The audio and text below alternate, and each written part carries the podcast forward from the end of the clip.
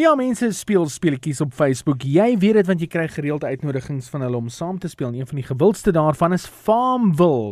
Nou hierdie aanlyn speletjie wat in 2009 begin het, sal egter op 31 Desember 2020 sy laaste dag aanlyn ervaar.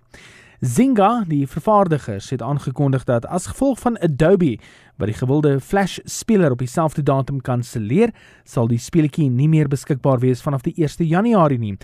Die speletjie het daagliks om en by 10 miljoen aktiewe spelers en op sy gewildste het hy om en by 30 miljoen mense per dag gelok. 'n Speletjie aankope word op 18 November gestaak waarna die betalingsstelsel gekanselleer sal word en uitgewis sal word. Uh, daar is egter 'n lig in die tonnel. Daar is 'n mobiele weergawe op Android en Apple beskikbaar vir Farmville 3. Of dit so gewild soos die Facebook weergawe gaan wees, is egter nog 'n oop vraag. En Samsung het aangekondig dat hulle die nuwe Galaxy Active Tab gaan bekendstel, dis nommer 3 wat juis ontwerp is om giere omstandighede te weerstaan.